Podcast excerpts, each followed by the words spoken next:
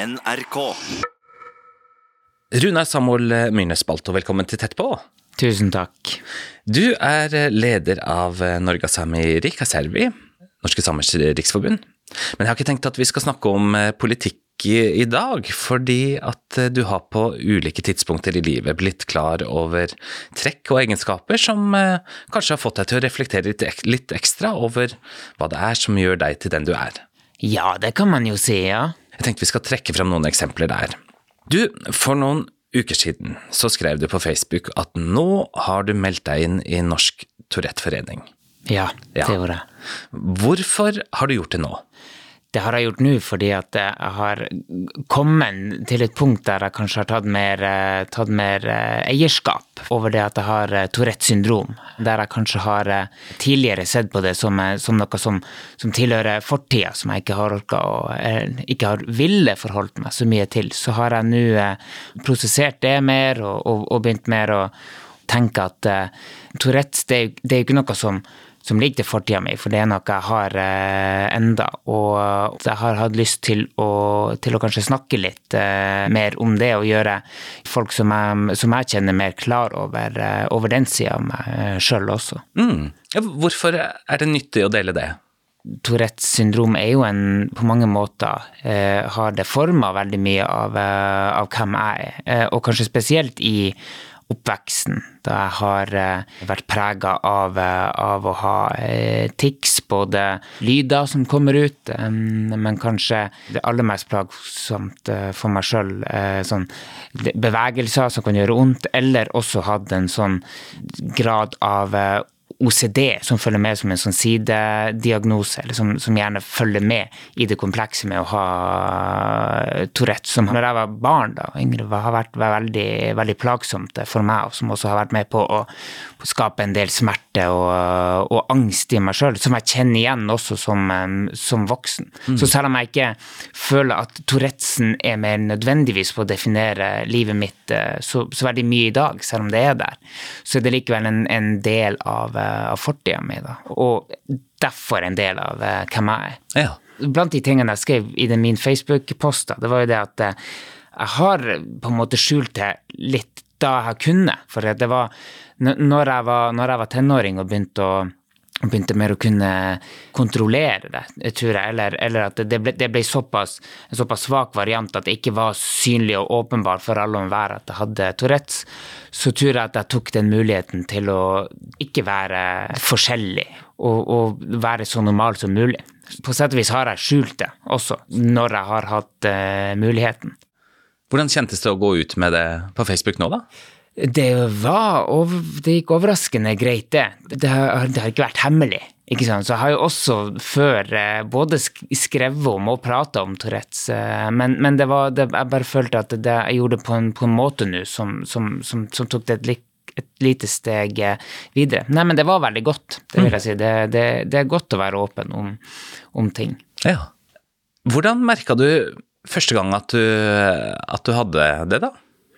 Jeg tror at eh, mitt første minne av å ha av, Tourettes syndrom, det er fra barnehagen. Eh, vi gikk på barnehage i, samisk barnehage i Alta. Eh, men jeg husker at jeg brukte å sleike meg sjøl opp, eh, altså opp mot nesa. På en måte som gjorde at eh, jeg, jeg gjerne fikk eh, sår under nesa. Man må jo ikke ha Tourettes syndrom for å gjøre det, det er jo noe unger gjør. Men jeg, jeg tror på en måte jeg gjorde, jeg gjorde ganske, ganske mye, og vi så på det som en uvane. Jeg det var, det, var, det var det vi brukte å snakke om det som. Så det er mitt første minne av, av det. Men så det det tar jo, tiltar jo i skolealder, eh, på en måte som at det, til, til slutt så kommer det til et punkt der det er en liten eh, utfordring eh, i livet mitt. Og det her husker jeg ikke sjøl, men det var hun mamma som skrev på det når, når jeg skrevet på Facebook. Hun husker godt at jeg en gang fikk en eh, sånn eh, melding med hjem fra skolen fordi jeg hadde gjentatt noe som noen andre elever hadde sagt. Det husker ikke jeg, eh, men jeg husker veldig godt at jeg brukte å, brukte å gjøre det. da. Jeg var gjerne sånn enten gjenta noen ord som andre sier, eller eller hvis man så på TV eller film, så gjentok jeg altså, vi- vi- visse typer ord eller lyder som ble, som ble laga på, på TV-en. Og det ble tolka som at du med viten og vilje gjorde det for å markere deg på et vis, eller? Jeg tror det ble tolka da som at jeg, ja, som at jeg erta noen andre eh, gjennom det. At det, det var en sånn, sånn, en sånn ondskapsfull ting eh, fra min side. Riktig. Og det var før, det, før, du fikk diagnosen, selvfølgelig? det sånn var sagt. før jeg fikk diagnosen, ja. Mm. Var det her ting som kom automatisk, som du ikke hadde kontroll over? Det var det, helt klart. Hadde ingen kontroll. og hadde, Jeg husker også veldig godt at sånn forut for at jeg får den diagnosen, da, så husker jeg at det, det var mest problem når jeg skulle, skulle legge meg. For at jeg husker at det, ting må være veldig rett. og Jeg tror det er mer en OCD-delen av det. At det, var nesten helt umulig for meg å klare å uh, se meg til ro uh, på kvelden. Altså det måtte, Dyna måtte ligge helt 100% riktig, nesten som en sovepose, og ikke slippe inn noe som helst av, av uh, luft. Det ble mer og mer en sånn omstendelig prosess å, å få gjort sånne type hverdagslige ting. Ja, det er vanskelig å forklare, men, men det er en type trang til at ting må være gjort på en sånn riktig måte, som det er vanskelig å definere i forkant hva er riktig måte. Så det er liksom at ja, jeg tror jeg bare prøvde meg fram til det føltes rett, da. Ja, og også sånn seinere så husker jeg veldig godt at jeg brukte enormt lang tid på å slå av lysbryteren når jeg skulle legge meg. Akkurat. Jeg måtte treffe flaten på lysbryteren på riktig måte, da, for at det skulle være greit. Og hvis du ikke gjorde det, så hva skjedde da? Ja, nei, ikke noe konkret annet enn at det, det var en helt utenkelig eh, situasjon. At det, det, ikke skulle gjøres riktig. ikke sant? Noe, noe, kunne gå galt uten at det var definert. Men det her er ikke sant, og det her er da kan du si, de, de OCD-delene. Men det er klart at det var jo mye både lyder og uh, bevegelser og sånn som var, kom ut, og som var, var problemer, eller som, som, som, lagde utfordringer i livet. Og på skolen kunne jeg til en viss grad uh, undertrykke det og holde det på, lav, på, på sånn lite nivå, men altså, da, det, da kommer det i oppveksten så kom det da til gangs når jeg kom hjem fra skolen. Da var det mye lyder og liksom mye sånn bevegelser, hoderisting og alt som kunne Ting som, ja, som, som også gjør fysisk vondt, liksom. Hvordan fikk du vite at det var Tourettes du hadde, da? Nei, vi dro til en Så mamma drev litt uh, research og, og, fant ut at det kunne være Tourettes, og så oppsøkte vi BUP i Karasjok og fikk Så var hos en overlege som, meg, som, som diagnostiserte meg da, med Tourettes. Jeg tror vel jeg var Det var vel litt usikker på alder, om det var altså, 10-11-årsalderen en gang. i alle fall. Var det fint å få en diagnose? Ja, det, det, husker jeg som en fin ting, ja. Det var noe som, som satt i kontekst, og som forklarte, og det var, det var veldig, veldig bra. Og det var også bra som et utgangspunkt til å eh, informere andre. Så at eh, veldig raskt så var vi ute med å, å, informerte til, eh, til, klassen sammen med læreren, for at alle skulle ha en sånn forståelse av, av situasjonen. Opplevde du at barna rundt deg aksepterte det, eller? Ja, jeg husker det som at det, det var greit når det ble satt i en kontekst. Ja. Mm. Men hva er det da som gjør at du har skjult det litt, da? Ja, jeg, jeg, vil vel si at når man, altså når man vokser opp med Tourette, så er man veldig synlig ekstremt synlig til ethvert uh, hvert tidspunkt, da, så, så, så, er det en del av, av, den diagnosen at det er ekstremt vanskelig å, å gjemme seg unna. Så det, det, er bare en sånn lengten etter ikke å være annerledes og, og synlig. Så hvis du har mulighet til å, til å la være, så er det en sånn det er en situasjon som man gjerne tar, da. Mm. Altså ikke, ikke, ikke, være en, en, Ja, det er sånn som man tenker da, en, en, en annerledes person. Og så har du nevnt det her med OCD, Runar. Hva er det? Ja, nei, altså OCD har jo aldri fått en OCD-diagnose, sånn sett, så, at, så, jeg kan ikke si at jeg har det. Men, men det er jo tvangstanker. For min del så, så, så handler det om tvangstanker. At ting må være, ting må være gjort uh, på, på riktig måte. Er det noe som du må hva skal man si for noe, forholde deg til den dag i dag? Litt, kanskje. Ikke på samme måte som før overhodet. Så jeg har ikke den der at ting, jeg må se av lysbryteren på riktig måte, eller at ting tar veldig lang tid. Men hvis jeg skal sove, så har jeg ennå den samme greia. At det, det, må, det må, være bretta, gjort det riktig, det her teppe, teppeopplegget. Akkurat det. Ja, ja, så den, det er en ting som bare som henger igjen. Absolutt. Ja. Mm. Jeg har ikke en OCD som på en måte forstyrre livsførselen min, da. Du er jo leder av et politisk parti. Mm. Og sånn som jeg kjenner politikk, så er det veldig sammensatt. Man får overraskelser. Plutselig må man forholde seg til ett tema, plutselig må man stille opp i en debatt, eller hive seg rundt, da. Hvordan er det for deg å forene en så krevende og uforutsigbar hverdag med det å ha Tourettes? Det tror jeg overhodet ikke er, er, et problem. Det er en sånn type oppgave som passer meg veldig fint, fordi at det handler om man, man, man dedikerer seg 100 til et uh, Altså jobber mye, dedikerer seg, må konsentrere seg. Får en del utløp for kreativ prosess, som er, er veldig bra for meg, i alle fall, føler jeg. Og det vet jeg, har også jeg har hørt en del sånn Tourettes-podder forteller meg at det, det, er veldig ofte mange som tiltrekkes jobb med Tourettes, da, som tiltrekkes jobb eller man får kreativ kreativt utløp, fordi at det er en måte å, å, å, å kanalisere den typen energi som man, oh, ja. som man har. Eh, altså det kan være alt mulig slags eh, jobber der man skaper ting, eller sånn, men, men, også jobber som krever mye konsentrasjon. Jeg tror at det er men det er også fordi at eh, den, en sånn konsentrasjonsgreie, en sånn full konsentrasjonsoppgave, det er da mange opplever at de, de ikke blir plaga av, eh, av tics, på en måte der den, at den, den legger seg at det er noe som demper seg, da. Mm, mm. Nettopp. Du nevnte at du, var, at du, gikk i samisk barnehage i Alta. Ja. Jeg vokste opp i samiske barnehager rundt omkring i, i, i flere byer. altså for Vi, vi bodde først i Tromsø, født her, gått i den barnehagen, husker jeg ingenting av. Men, men mine første minner er fra samisk barnehage i Oslo, og så har jeg gått i samisk barnehage i Alta. Så begynte jeg på skole i Alta, og der var vi jo da var vi bare to som hadde samisk på skolen da. Så da var jo vi en sånn som minoritetssituasjon, selvfølgelig. Men så flytter vi til Kautokeino, og der, der, fordi at jeg hadde begynt i, i samisk eh, klasse i, Nei, i, altså i norsk klasse, selvfølgelig, i Alta, men hadde samisk eh, på skolen. Men så begynte jeg i tredje klasse i Kautokeino, på skolen der alt i utgangspunktet var på samisk. Jeg husker jeg hadde enorme problemer med å henge med på på sånne fag som matematikk og naturfag på samisk. Så jeg, jeg trygla mine foreldre om å få begynne i den norske klassen, som jo ennå eksisterte i, i Kautokeino. Ja. Opplevde du deg sjøl som en minoritet i Kautokeino? Ja, absolutt. Det, det, vil jeg si. Men det var jo fordi at jeg, var, jeg hadde Tourettes, kanskje. Det var liksom, så jeg var en, jeg var, var en minoritet. Men jo da, så vi gikk jo Altså, jeg har alltid vært samisk, det er, vært, eh, det, det, det, det, er jo ikke det det, det er snakk om. Grunnen til at jeg spør om det med om du opplevde deg som en minoritet, det er litt det her med språket som markør. Å oh, ja, ja. Mm. ja, ja, ja.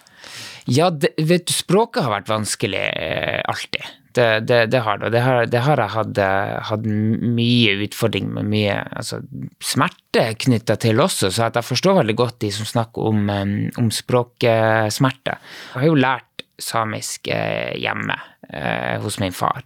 Samtidig så har det alltid vært et, et andrespråk, så vi hadde, hadde mer eh, kommunikasjon med, med, mennesker på norsk, som gjør at jeg har eh, alltid følt at, at det, altså det, van, det, har vært mye van, mer vanskelig å, å kommunisere på samisk.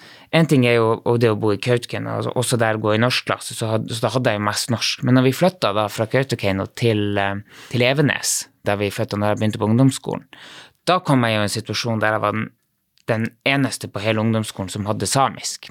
Da ble man jo i alle fall en minoritets, uh, i en minoritetssituasjon, samtidig som jeg følte at jeg ikke kunne samisk godt nok. På den ene sida var det tungt å måtte være måtte ha samisk som den eneste på skolen, og så i tillegg følte jeg at jeg ikke, ikke var god nok og hadde bare liksom ikke mestra språket i det hele tatt og hadde lyst til å, lyst til å slutte med, med samisk eh, der og da. Så jeg har jobba veldig mye med språket da, fra etter at jeg ja, på videregående og i voksen alder, for å komme til et nivå der jeg, der jeg føler liksom at det er komfortabelt å prate, å prate i offentligheten og, og, og, og kjøre en samtale eh, på samisk.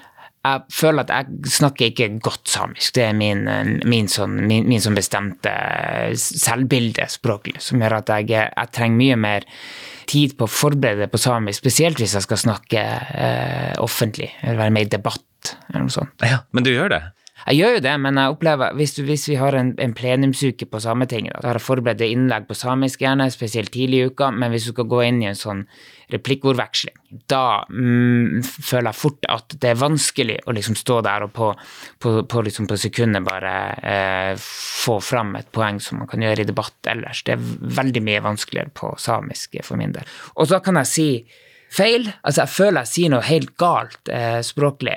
Bare, og da bare den følelsen etter at jeg har gjort det, liksom å gå ned fra talerstolen og få det, liksom bare Svetten kommer, det føles som hele verden detter fra hverandre, for jeg føler jeg har sagt noe helt, eh, helt forferdelig eh, galt på samisk, og alle bare tenker 'herregud, hvor dårlig han er', og, og prater, liksom. Mm. Det er ekstremt mye sårhet for meg i, i, i det språklige. Jeg, forventer, jeg ser at er opplever at det er en forventning til at jeg skal kunne samisk mye bedre enn det jeg føler at eh, jeg sjøl gjør. Det er, ja, det, det, er noe som jeg, som, som jeg, som jeg føler på i hverdagen. Det er det.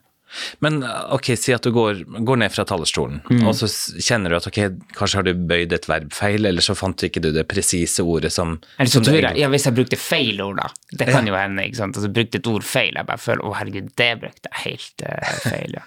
du står oppe på talerstolen, du kan ikke lenger forholde deg til manus fordi du er inne i en replikk til en kandidat fra et annet politisk parti, og så er det viktig for deg at du uttrykker deg så presist som overhodet mulig. Tenker du da nei, vet du hva, nå legger jeg over til norsk? Ja, ja, veldig ofte, og veldig ofte så tar jeg replikken på norsk fordi at jeg ikke, ikke, ikke føler at jeg er kapabel til å gjøre det. Men det handler jo om, ikke sant, og du er jo inne på det her, man man må være så presis som mulig, fordi det handler jo om at jeg, jeg kan ikke si ting som, som, som er helt galt, fordi at da, da, jeg representerer jo ikke bare meg sjøl, da, oppe på, oppe på talerstolen. ja. Er det greit for deg sånn i etterkant? Eh, at jeg tar det på norsk, da. Jo, ja, da, men da har jeg jo tatt det på norsk. Da har jeg jo tatt snarveien, da, og, og ikke snakka samisk. Og det er, jo, det er, jo, det er greit for meg. Jeg klarer å unnskylde det eh, godt nok, og da har jeg fått eh, kanskje gjort det bedre i, i debatten. Mm. Men jeg skulle jo gjerne ønske at jeg var på det nivået at jeg kunne, at, at jeg kunne ta alt på, på, på samisk. Ja. Mm likevel, da, det at du har kommet til et nivå hvor du faktisk kan delta i politiske debatter som må være av de mer kompliserte mm, arenaene å, å bruke språket på, da. Hva er nøkkelen til at du tross alt har kommet dit? Nei, jeg, jeg, kom jo heldigvis som ungdom, da, så ble jeg plukket opp av et veldig kreativt og flott miljø i, i Markebygda. Det, det, var en uh, ungdomsforening som heter Stor-Norge Samenorak, der uh, man jo bl.a. arrangerte Markomeno-festivalen og hadde og var veldig, veldig bevisst uh, det språklige. Så jeg fikk sånn tospråklig verdi innprenta. Altså, ting skal være tospråklige. Også når vi kommuniserer, så skal vi kommunisere også både på, på samisk og norsk. Så at jeg ble med. Men også gjennom det, her, det da fikk jeg et mer samiskspråklig nivå. Det var pionerer sånn som Sigbjørn Skåden inn i inn, inn i det miljøet som, som tok eh, som, som, var med på å liksom sette standarden. Ja, men vi skal prate samisk til hverandre når vi, når vi kan det. Så at det der allerede få en sånn sosial arena der språket ble brukt mer. Så reiste mye rundt på samefester og konferanser der, der språket ble brukt. Da. Nettopp. Så du, du, fant arenaer hvor det opplevdes som trygt sånn sett å bruke Nemlig. språket? Så språkarena. Det, det her er jo rett og slett møteplasser, samiske møteplasser, der, der vi får lov å møtes og, og, og, har en sånn naturlig arena for å prate samisk, det, det er gull verdt, i alle fall var det det for meg i den alderen. Skal vi, vi, få enda flere språkbrukere, så er vi nødt til å, å lære oss å bare, å bare, hoppe ut i det og, og, tørre å gjøre feil. For at eh, de aller fleste vil synes at det er positivt at man bare prøver, og at man faktisk uh, bruker språket, og at man er, man er da språklige forbilder uh, ved bare å gjøre det. Mm. Du har valgt å vie ditt yrkesliv til samiske spørsmål. Hvorfor mener du at det er viktig?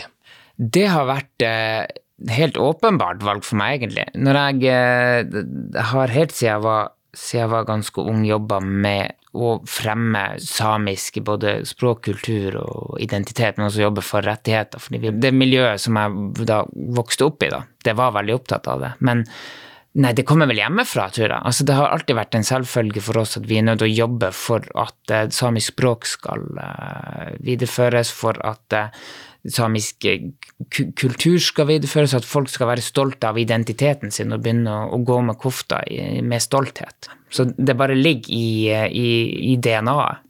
Jeg er jo heldig som får lov å, å gjøre det. Fordi at det er det jeg brenner for. Det, det, er så ekstremt eh, viktig for meg som, som, menneske, som en del av det, av, av det, samiske folket. Så jeg er rett og slett bare takknemlig for å kunne jobbe med de spørsmålene som jeg brenner aller, aller mest for. Det er ting jeg kan, kan jobbe med på, liksom, på, dagtid, og kunne prøve å være med og bidra til å få endring i forhold til.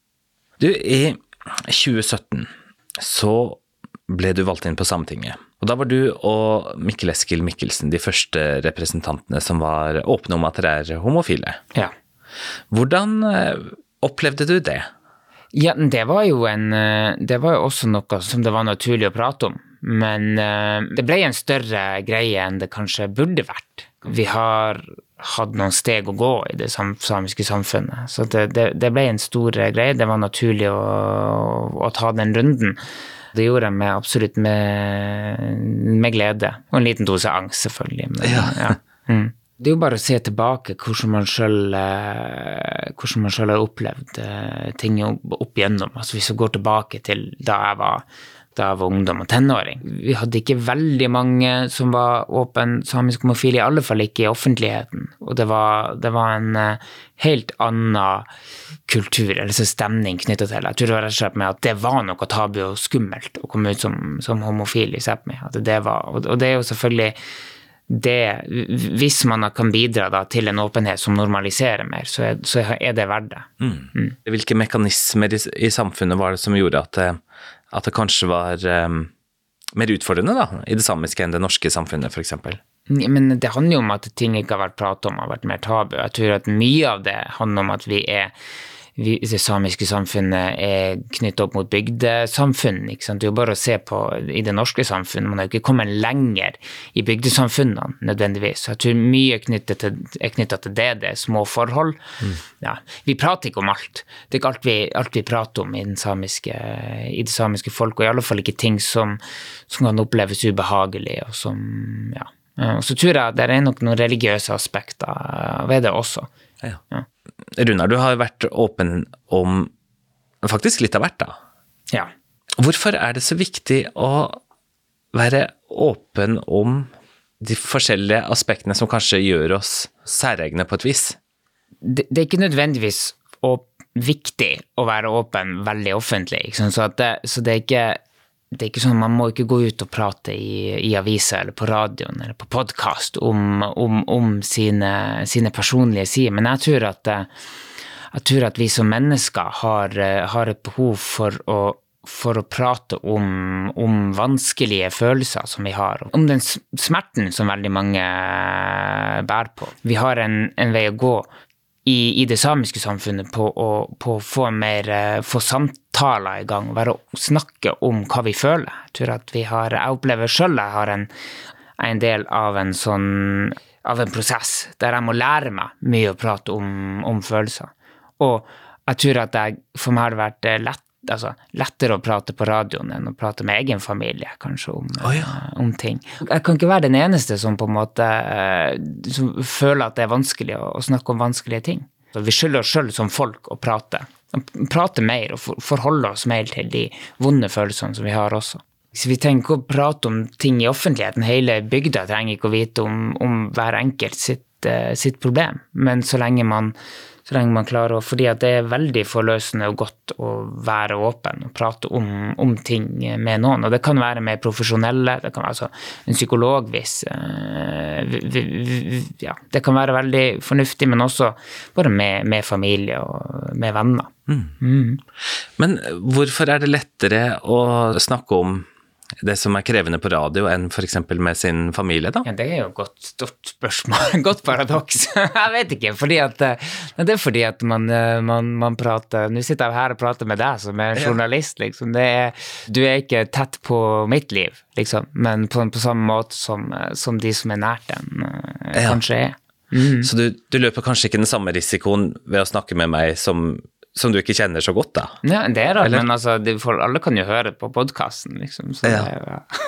Nei, jeg vet ikke, det er jo bare litt rart, da, men det er nå det, det, litt sånn, sånn, det er. Ja. Ja, Så er det ikke, for meg det er jo ikke et, et mål i seg sjøl at jeg skal prate om alt som er vanskelig eh, hos meg, men samtidig så, så, så, er det godt for meg at folk, at folk vet eh, hvem jeg er, og liksom ser på liksom har, eh, Folk som jeg kjenner, vet at jeg, ja, men jeg er et helt menneske med, med, med alle, alle, de aspektene som man kan ha som menneske. Mye, mange forskjellige eh, sider som er utfordrende og tunge eh, også. Mm. Det, det, har en verdi for meg personlig å gjøre det, men, men det er ikke sånn at jeg, ja, jeg har ikke lyst til å liksom presse, presse mine problemer på, på Sápmi. Det, det er liksom ikke det som er målsettinga. Nei, og så var det ikke du som ringte meg, det var jeg som ringte deg. Det er sant. Men en ting som jeg syns er veldig viktig, da, og det er det her med å Altså ved å synliggjøre annerledeshet i anførselstegn, da, så bidrar man jo til å utvide forståelsen av hva som er normalt, tenker jeg. Ja. Og jeg tror at det kan bidra til at man får et mer tolerant og mangeslungent samfunn, da. Kanskje kan vi slappe mer av som enkeltindivider, senke skuldrene, og kanskje være litt mindre redd for at våre egne hemmeligheter eller egenskaper skal komme fram i lyset. Ja, det er helt enig. Så, så, så hvis eh, For hver gang noen er åpen og prater om, om, om sine, sine annerledesheter og sånn, så, så er det jo lov å håpe at det tar oss et lite steg eh, på veien da, mot, mot at, eh, det, altså sånn, at det store mangfoldet i det samiske samfunnet skal, skal få lov å blomstre, da. Men det her normalitetsbegrepet syns jeg er litt sånn interessant i, i Sápmi. Syns du samfunnet eh, åpner opp for en sånn allsidig forståelse av hva som er normalt, eller er det snevert? Jeg tror at eh, internt i det samiske samfunn så finnes det veldig mange definisjoner av hva som er normalt samisk. Eh, men jeg tror at jeg tror hvis du ser fra, fra storsamfunnet sitt ståsted, så er det mer en sånn snever, en sånn snever variant. Og jeg at jeg tror at Altså, jeg føler at det er stor forskjell på hva du ser på som normalt samisk hvis du er i en sjøsamisk bygd eh, liksom i, i Nord-Troms, kontra hvis du er i, i, i, i Kautokeino eller, i- eller i Mædze. At det, det, det er forskjellige, forskjellige oppfatninger av hva som er da typisk samisk, eh, kan du si, og normalt samisk. Og så tror jeg at den, den, offen, den så, Storsamfunnet ser fort på liksom, ja, det Kautokeino-samfunnet som, som man tenker som, som normalt samisk. Da. Og det er vel der, jeg tror det er gjennom storsamfunnet sin briller, da, at, eh, at mm, vi som er litt på, som gjerne har vokst opp og litt på utsida av, eh, av, av den stereotype eh, normalforståelsen til storsamfunnet, at det er derfor vi også kanskje litt definerer oss eh, gjerne Man kan definere seg litt i, i motsetning da, til, eh, til det som er normalt. Men jeg tror, ja. Er det arenaer eller organisasjoner eller møteplasser som er flinke til å, eh, til å være involverende i bred forstand, da? Ja, og ja, det er klart at jeg tror de samiske festivalene eh, i fler, flertall har en veldig viktig funksjon som, eh, som arena både for, både for å være en møteplass for alle samer, men også for at vi skal, vi skal få en bredere forståelse av, av hverandre og bli kjent med hverandre. Jeg tror det er alfa og omega i det samiske samfunnet, at vi har de møteplassene der vi blir kjent med, med samer fra andre områder. Det er jo gjennom sånne typer møteplasser at jeg kjenner samer fra nesten hele, hele Sápmi. Jeg tror det er kjempeviktig for vi, vårt samhold som folk, i alle fall over landegrensene. Runar Samuel eh, Myrnes Balto, tusen takk for at du var med i Tett på. Tusen takk for at jeg fikk være med, det var veldig hyggelig. Hvis du vil høre andre episoder i denne serien, så ligger de på nrk.no, eller der hvor du hører podkast. Jeg heter Svein Lian, Tett på fra NRK Sápmi er produsert av 1 til 1 Media.